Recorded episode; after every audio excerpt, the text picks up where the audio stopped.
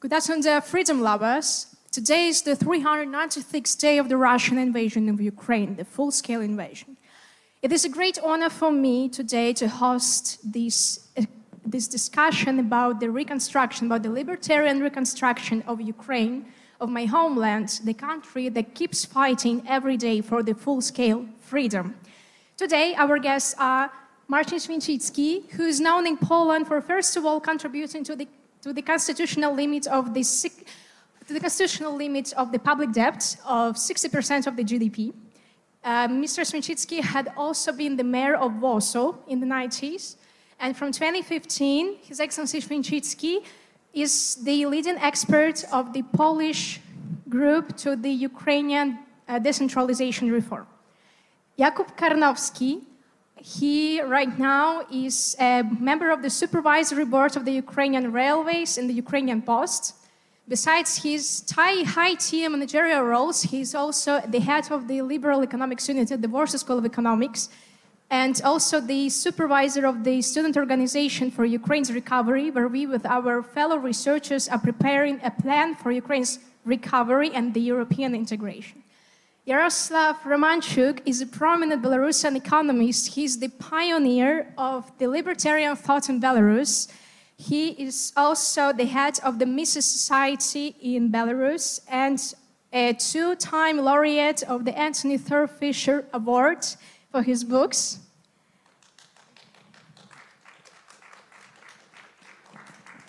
Mr. Romanchuk had also been the deputy of the United Civic Party of Belarus and was a member of the Commission of the Economic Policy and Reform at the Supreme Council of Belarus.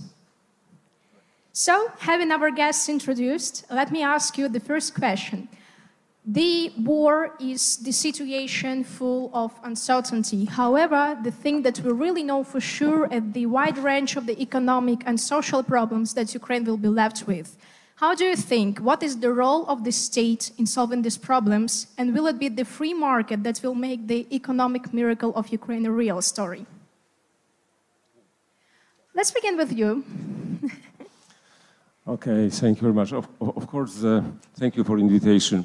The war will leave Ukraine with many problems, and uh, some of them are continuation of the previous problems, and there are some new problems here, like uh, destruction of Ukraine, like a certain tendency to etatism during the war, uh, which is uh, understandable, but cannot go too far. And also the enormous challenges of reconstruction, again, engaging the state in this reconstruction process, and again, um, in certain ways stimulating or promoting uh, etatistic uh, solutions. So this is the, the, the threat for the um, liberalization uh, of uh, Ukraine after the war. Mm, but also there are some positive, uh, I would say, factors uh, like aspiration to become member of European Union. And in general, in general, of course, we can, we can contest European bureaucracy and Euro European uh, over-regulation sometimes, but in principle there, there, are many areas in which uh, Ukraine uh, aspiring to Europe will have to liberalize their approach, to treat foreign capital as domestic capital, the regime in foreign trade will be fully liberalized, access to market, uh, public aid will be uh, forbidden with only a few exceptions. Uh, liberalization in infrastructure, in, in, in, in, for example, air transportation and railroad transportation. Those are standards uh, in Europe already for several years. Uh, so adjusting to those European standards will require more liberal approach. But, of course, there are some issues that the European Union is not regulating, for example, privatization process. Uh, every country can privatize more or less. It's not a requirement of the European Union. Or corruption, there is a pressure to, to fight, to limit corruption. It is one of the conditions, etc. But there is no any kind of formal uh, measure, you know, what, what, what, what uh, kind of corruption is allowed, what is not. So as I say, European Union in general will be, uh, process of accession to European Union will work in liberalization, but this will not solve all the problems. Now I would like to address this question to Professor Karnowski, having that you have experience working with the Ukrainian state enterprise, so your view from inside. Thank you, Julia. Allow me to start with uh, saying that uh, we've been working uh, at the Students' Club at Warsaw School of Economics uh, together with Julia and a uh, uh, few others, students with Ukrainian origin at the plan. I have it with me, a plan of, of reconstruction and European integration of Ukraine. That's something we presented as a first version, first draft in October last year at the EFNI, European Forum for New Ideas conference in Sopot. And we hope to, to present the second uh, version we are currently working on uh, in June in Kiev. Uh, uh and uh, uh, this is so something which we are working on a weekly basis since May, May last year, so since the beginning of the war. And we're trying to find all these answers to this very pertinent question. For example, the question which was asked by you, Julia, uh, now. Uh, well, uh, it's, it's, uh, it's difficult, of course, to, uh, to answer that question in one, one word or even one sentence. Uh, so allow me to say that that's true. I'm the beneficiary of being an independent supervisory board member of, few, of two logistic strategic companies in Ukraine. the railways and the, the post, and this is something which is sounds really uh, bizarre or interesting uh, uh, because here we have at the strategic companies in Ukraine, the foreigners are taking the, the, the most strategic decision. This is to, and this, is, this shows you uh, that uh, uh, the, the, very interesting structure, by the way, it was mentioned by Putin two days before the invasion as an argument why Ukraine is not an independent country. And the, the, the answer was Putin answered that uh, this is because the foreigners uh, are in charge of the strategic decision in the strategic companies. Of course, uh, that's uh, Putin's true, which is not true, or um, allow me to say bullshit. But basically, trying to answer the question on a general level, I would say that Ukraine needs to take into advantage the Ukrainian policymaker needs to learn from the lessons from the countries in transition as Poland and the other countries for the last 30 years. And uh, uh, uh, the one lesson which comes to my mind is the state should be limited. Privatization should be a part of the, of the, of the reforms. And basically, when we look at the details of the specific, specific steps, let's try to learn and execute the lessons from the, from the countries, uh, good and bad lessons, which uh, were in the, in the position and the war the last sentence here, the war is uh, not only that tra tragic, of course, even when people are being killed, uh, uh, both uh, uh, military heroic people and civilians, but also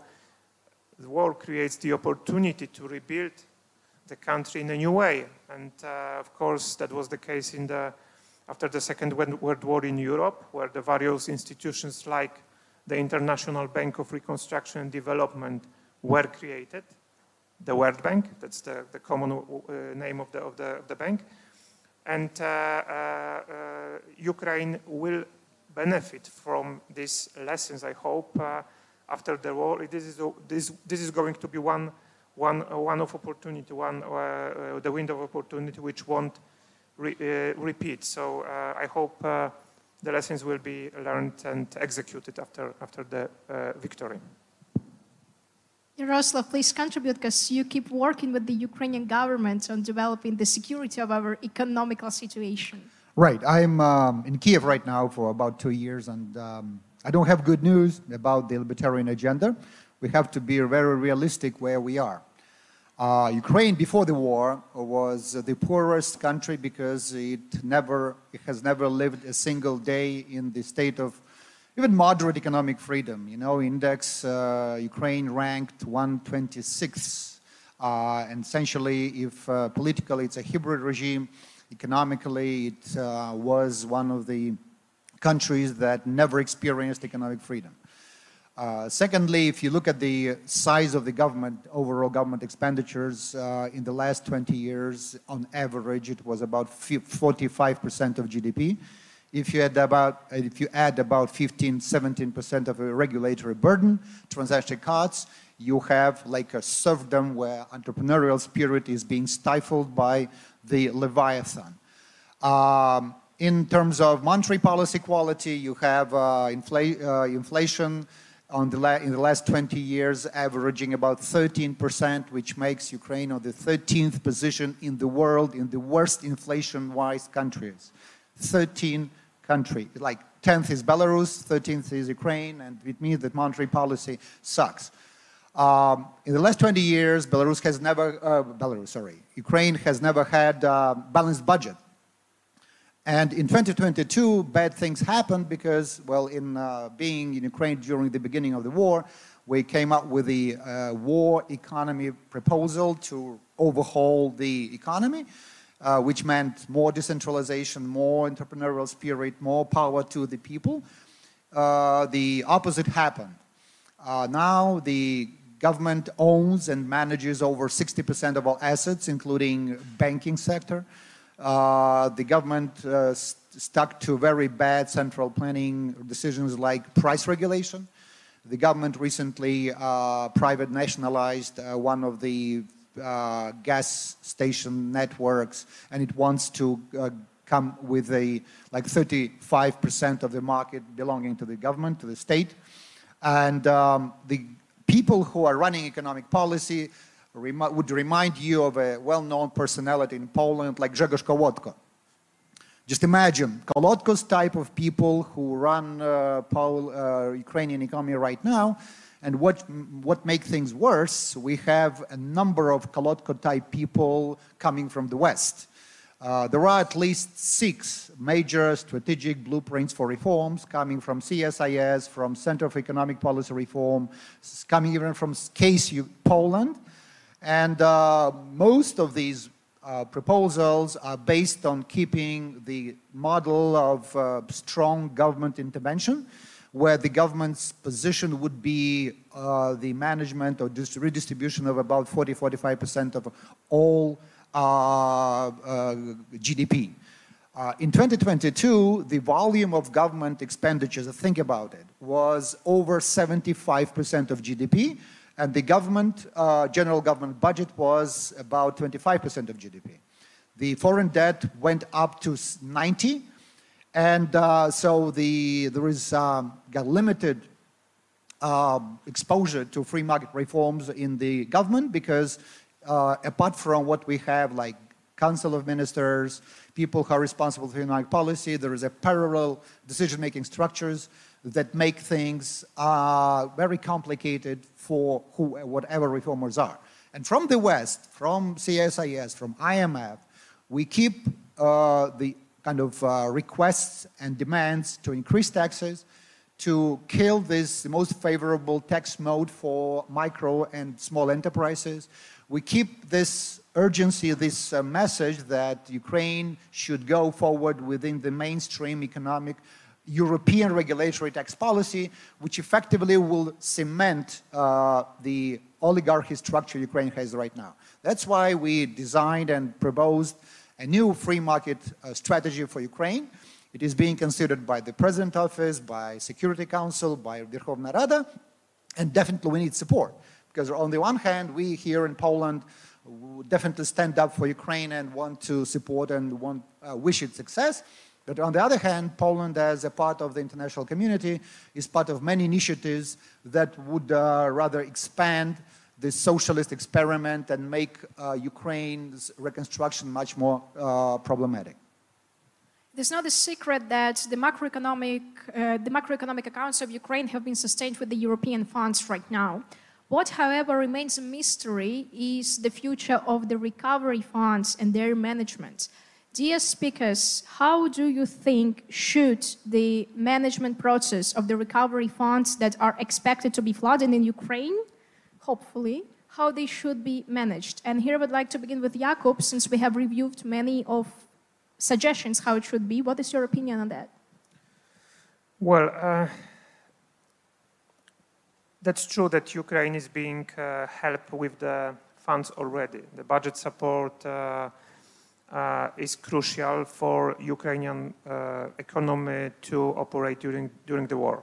Five, it's around 5 billion uh, euros every month coming into the, uh, the, the, budget to allow the country to operate. This is uh, not, this is, uh, you know, strict direct budgetary support in addition to what what's very important companies like Ukrzaliznytsia uh, are doing. Uh, but so I believe that some, uh,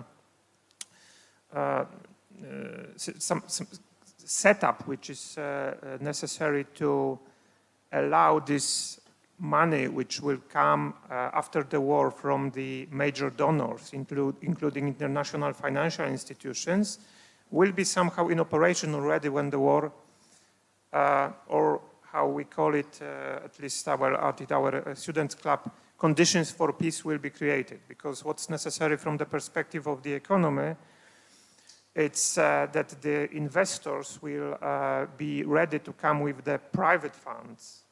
And this is the, the, the crucial word I wanted to, to say here. The private funds, they will do that when they can be assured that the investment they, they will come with uh, won't be destroyed by the Russian rockets. Uh, they need the conditions of peace. So we need the conditions of peace, and uh, I believe the, uh, the, the, the, the, public money from the, from the governments, the other gov the governments of the Western countries, American money, and uh, the World Bank, EBRD, EIB, this money will, will come, but what's uh, the most necessary, and I think uh, at the previous panel, it was said already that we need to create the conditions for the private investors to to be ready to take the risk with the expected return uh, on a horizon, uh, substantial expected return. So this uh, kind of Sharpe ratio expected return to the risk taken will be uh, enough to,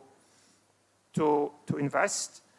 And uh, uh, that's, that's what ne what's, what's necessary. So again, it's not easy, but what we are looking for is the conditions for the private money uh, to, to, to come. To, to, to, to create these conditions, we need uh, conditions of peace, and, uh, and uh, that's the most important thing, I, I believe. Dear Yaroslav, for you as a person who has a closer look uh, to the opinion of the government in this, uh, in this regard, what, how would you comment? Right now, um, the major um, support or idea how to reconstruct and to provide the money is that there is no trust to the Ukrainian authorities, so there must be a supervisory instruction board that is, uh, uh, consists of uh, moral authorities from different countries. there must be some uh, line of uh, cooperation between the government and this external controller supervisory body, and then the centralized manner, they should uh, go on with infrastructure projects, whatever projects. That is highly concentrated and centralized approach, and I believe that's uh, not the right one. First of all, uh, in order to uh, reach out for the people and to support grassroots, if we have like some uh, volume of money to spend on Ukraine, the best way would be to um, um to finance some of the major uh, mandates of the budget, like pension expenditures or re rehabilitation things, instead of uh, giving money in the hands of those who don't know how to deal with just much lesser volumes of money. So essentially, uh, the uh, administrative capacity is not there. The legal framework is not there. So uh, in this case, the, my approach is very simple. If you have reparation money, if you have money to, as an insurance for the diseased and uh, the wounded, give money to the people, like one, two million to those who uh, were murdered, killed during the war and who suffered. And then uh, there are 45 cities in Ukraine with a population of 100,000 people. And they should set up like uh, reconstruction centers for their regions. And uh, these reconstruction centers should have uh, people representing civil society, representing donor community, representing moral authorities and local businesses so that uh, the decisions are made uh, in transparent manner. Today, uh, one of the problems we have is uh, government procurement system, all these um, uh, governance mechanisms in Ukraine are not transparent. Even Ukrzaliznytsia, you have Ukroboronprom, you have many other monopolies. They're not restructured. And just in the case when uh, you have essentially a syndicate of national bank, big banks, and the government that make a financial market uh, almost non-existent. At the same time, they much, make much more profit. So all these socialist interventionist practices are still there.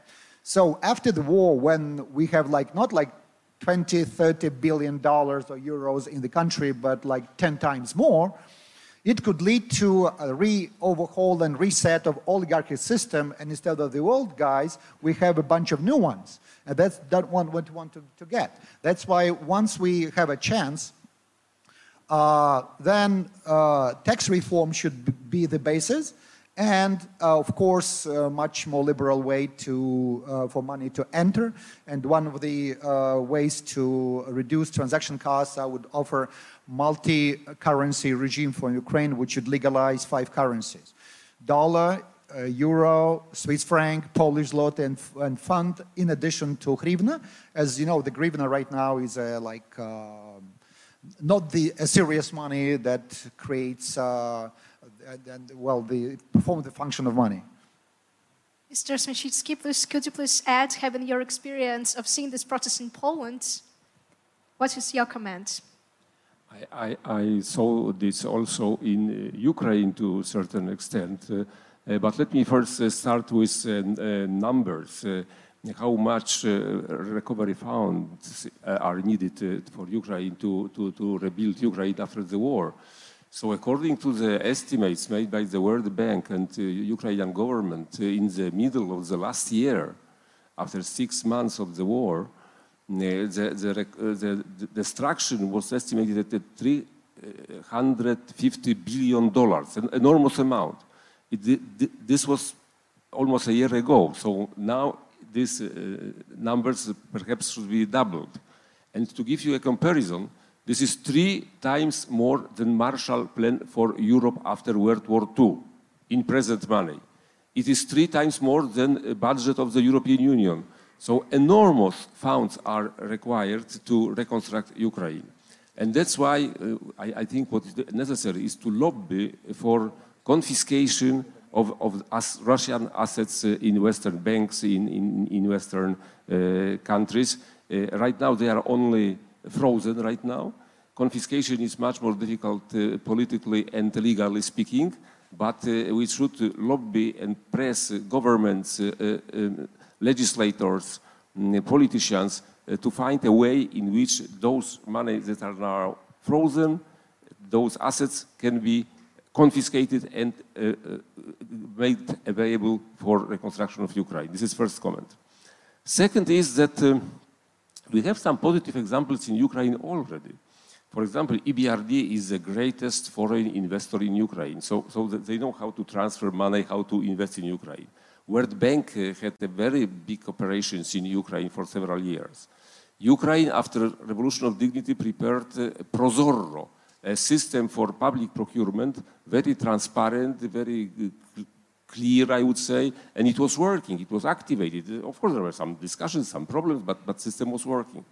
I remember just before the war, there was a big uh, privatization plan prepared. In Ukraine, there is still about 3,000 state-owned enterprises, and about 1,000 of them was devoted to privatization. And the first privatization was made very transparent. It was privatization of, of the big hotel in uh, uh, European Plaza in Kiev, Dnipro Hotel. Uh, the auction for this hotel was, was, was taking place all the day. We, we could observe on, on, on TV or on, on channels, you know, what, what is the progress in, in, in this uh, uh, auction. And it worked. So we have good examples in Ukraine that are showing that uh, public money can be used efficiently, uh, transparently, uh, uh, without corruption. And we have also local self-government. About it, it is not as advanced, I would say, um, fully fledged like in Poland or in some West, Western countries, but still in the big cities, uh, um, I, I, think the mechanism for uh, investment, for procurement, uh, for this kind of things is more or less transparent, more or less it's working. It's not, not without a problem, there are problems. So we have a lot of existing channels how to reconstruct infrastructure, how to uh, use public uh, support for uh, various industries. Is this enough? M maybe reconstruction will need new institutions and also what is important here, the, the, the, the donors will have the right to supervise, to look at, to, to control, because uh, no, frankly speaking, this, this foreign, I would say, mm, kind of the supervision is helping, you know, to find corruption, various temptation, various bad practices uh, to combat them, you know, in Ukraine. it, it is still a, a, this, this foreign advisors, foreign observers, foreign participants. For example, I was, when I was a business ombudsman uh, for two and a half year, years, I was a member of the so-called nomination committee. It was committee that was selecting uh, supervisory board members for big state enterprises. Uh, uh, and uh, we, we, we, there were five foreign members of this committee and, and, and several Ukrainian members, no, not so many, also about five, depending on, on, on the company. Uh, and we were sitting there, we were discussing, we were, we were uh, uh, interviewing candidates, but without voting power, non-voting members of nomination committee. But it worked. It, it was a good dialogue. We, we, we, we, could really eliminate bad candidates. We could influence the, the um, recruitment process uh, for, for, for, for the supervisory boards of big companies. Of course, there were sometimes problems, uh, but, but nevertheless, system in, in many respects, I must say, the system of recruiting supervisory boards in Ukraine for big companies is working 10 times better than what we have right now in Poland. Believe me, I, I have a comparison uh, what is happening right now in Poland with big state companies and how system worked in Ukraine. In Ukraine, it worked with some problems, yes, that's true, but not the, the, the kind and scale and and, and uh, barbaric uh, problems, nepotism that we have right now in Poland. If I may add one thing, which is very important, I believe. You mentioned that uh, it's more than Marshall Plan. Marshall Plan was 1% of GDP of the countries, of the United States. So the number of volume of dollars that time and right now is different. And right now, if we talk about Marshall Plan for Ukraine, from United States, EU, and like G7 countries, it should be like 800 billion dollars. So that's not, that's the Marshall Plan we should uh, aim at. Now I would like to move to the topic of the oligarchy and ask you, how do you think will their role merely adjust to the recovery process or will their influence be eliminated at all? I also would like you to keep the time limit of two, two and a half minutes because unfortunately I have some strict rules here. So I would like to begin with Yaroslav in this regard. Um, if you keep uh, this kind of Leviathan, 75% uh, of government expenditure, 60% of assets, uh, and huge inflow of cash, you're bound to uh, have a new set of oligarchs. Now we are, uh, the old ones are gone. I mean, some of them are in the country, some of them in, in so-called Monaco battalion. They don't take part in any activities, they don't support the country. At the same time, their networks are still there and uh, they have control over some energy structures. They, they have uh, their stake in different companies around government procurement system. And uh, then, uh, as you rightly said, there there's a lot of talk about different good stance governors, corporate governance. At the same time, as uh, it is true in Ukraine, there is like underwater parallel system of decision making. And what we want is not just, you know, uh, better governance of state-owned enterprises and banks like, like privatized, Privatbank was privatized. And right now, uh, state banks and private banks, big ones, got a lot of profit. In the state of war, what they do is they just bought, bought uh, national uh, bank uh, bonds, they bought uh, T-bonds from the government, they made much cash, and they are not interested in developing SME of the economy. More so, McKinsey, Blackwaters, Accenture, Boston Consulting, all these big, big guys, they care about, you know, uh, different mechanisms to go and work with big guys. Nobody cares, oh no, nobody, few people care about the development of uh, SMEs and creating equal playing fields for them. Because if you have this kind of inflow of money, and uh, the conditions, and if you have MIGA that ensures uh, uh, like uh, sustainability of these economic pro uh, financial projects, then how could little guys compete with them? What they do is they go to gray area economy, and there they're exposed to these uh, bad guys that eventually uh, go up to General Prosecutor's Office, to Security Council, to whatever other structures exist. That's why we have a chance to overhaul the system and create something new. If we keep this model of welfare state, uh, uh, government intervention, there is no way we can avoid oligarchy. Jakub, what would you add? Oligarchs are an issue in Ukraine, as, uh, for example, corruption, which, by the way, is correlated, uh, are, is uh, corruption is. Uh, and uh, again, I believe, and I'm, I don't, uh, I, I believe it's not just wishful thinking that the, the war creates a situation and there is an opportunity to have a new start, a new beginning, and that's true. Oligarchs, some of them uh, uh, are already outside and they won't come back because of the political issues.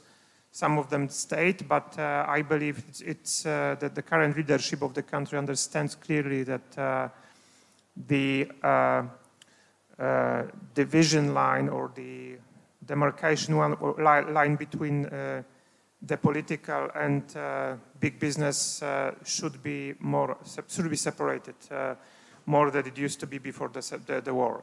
So uh, I believe, uh, again, the war is an opportunity to, to, to have a new beginning here in terms of oligarchs uh, and uh, uh, also, of course, the, the uh, international community, including those who are at the setting as, as me at the supervisory board as independent members in the strategic companies. They, I'm not saying that uh, we are very much well positioned to combat 100% of the issue, but we can help for sure.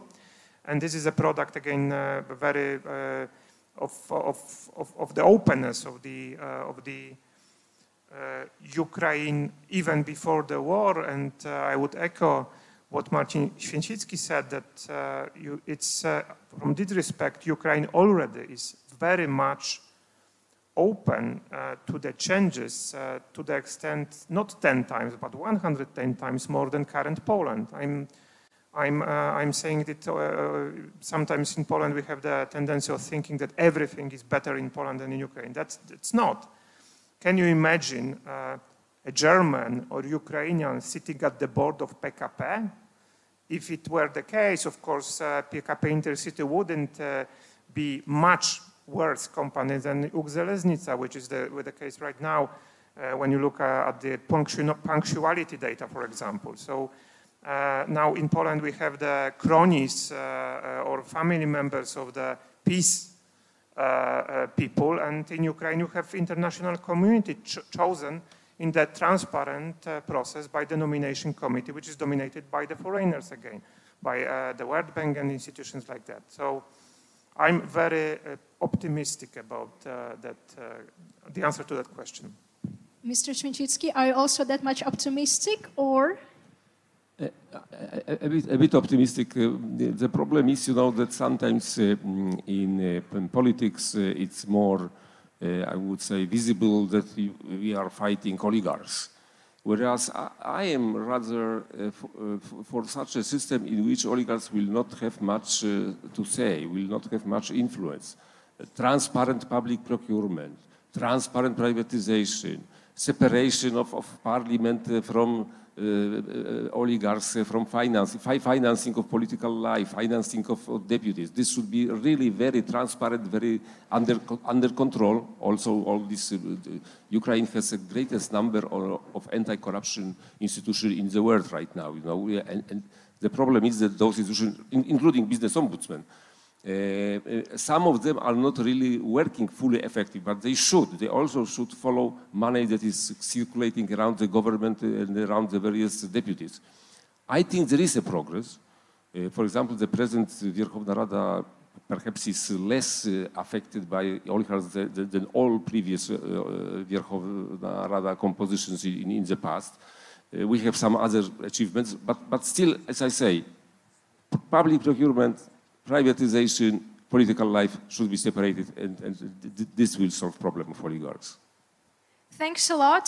Uh, unfortunately, since our time is coming to an end, I would really like to thank you for joining us today on this really rainy day, especially given the change of the time. So you're the real heroes. And as a conclusion of what our speakers have already said today, we can say that economic transformation is far from the miracle. It's the real hard work of the real people. And what we need is a good strategy, is a good plan that can be began be implemented just the next morning after the war. I would really like to ask you, do not forget about Ukraine. Gather together, talk, suggest your ideas. And now I would like to give a floor for the question. We have four minutes left, so let's begin. Uh, yeah, please. Uh, can you can come here, and I'll give it to you here. Uh, yeah, thank you. I have one question from your like personal experience, maybe, and uh, your information what are actual economic and political standpoints of Ukrainian leadership right now? Uh, which reform plan are they, are they leaning towards right now? Thank you.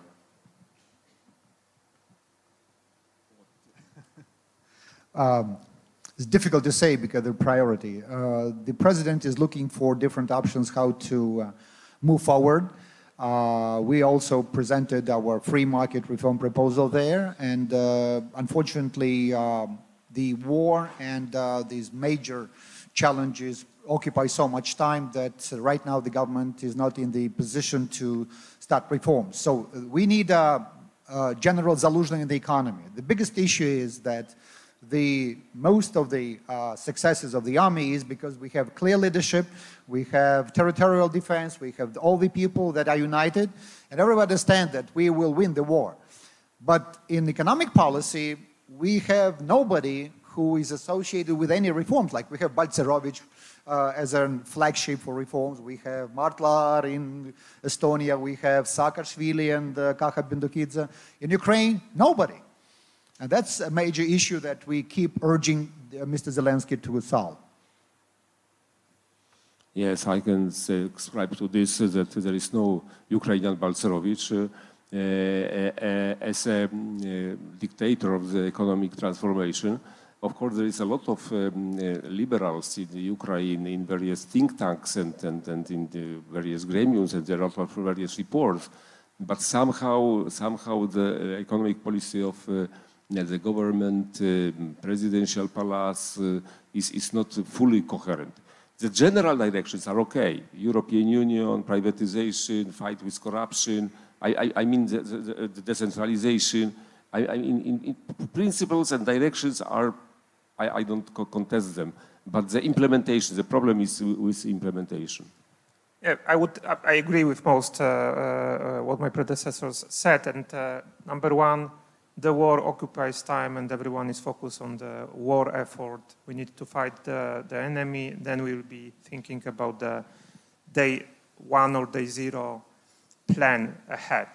Second, uh, the war, uh, it's like we, uh, Ukrainians understand who turned out to be a hero, who turned out to be the opposite because of the war conditions. And we have the examples of people who performed excellent or under uh, overperformed, uh, you know, to the to the extreme. One of them, it's uh, it's my opinion. I, uh, I as uh, someone who oversees Ukrzaliznytsia, uh, Alexander Kamyshin, who used to be a head of uh, until last Friday, Friday, so nine days ago, he left he resigned because he was uh, supposed to set up the Brussels office of Ukrzaliznytsia, which will be in charge of uh, utilizing, taking advantage of the European money for Ukrainian railway infrastructure. But a day after we made the decision to, uh, to, to, to shift him from Kiev to Brussels, President Zelensky nominated him as a minister for strategic industries. At the first, uh, in, in the first moment, I thought strategic industries, perhaps it's energy, but no, it's a weapon, armory producing industry. So that's uh, for me the example, and it shows you how the what's the situation currently in Kiev, in Ukraine, and uh, how it operates. If you have a good person who turned out to be an effective CEO of uh, probably the, the most one of the definitely one of the most important company in Ukraine, he was nominated. He was shifted to another extremely difficult and uh, important uh, field, which is producing armor for the victory. And that's we have no idea who will who will be in charge, but of course, uh, economic Zaluzny or Balcerowicz is needed. Thank you so much for your comments. Unfortunately, we are tight on time and we have to give the floor to the next speakers today. Thanks for joining us. Thank you. Thank you. Thank you.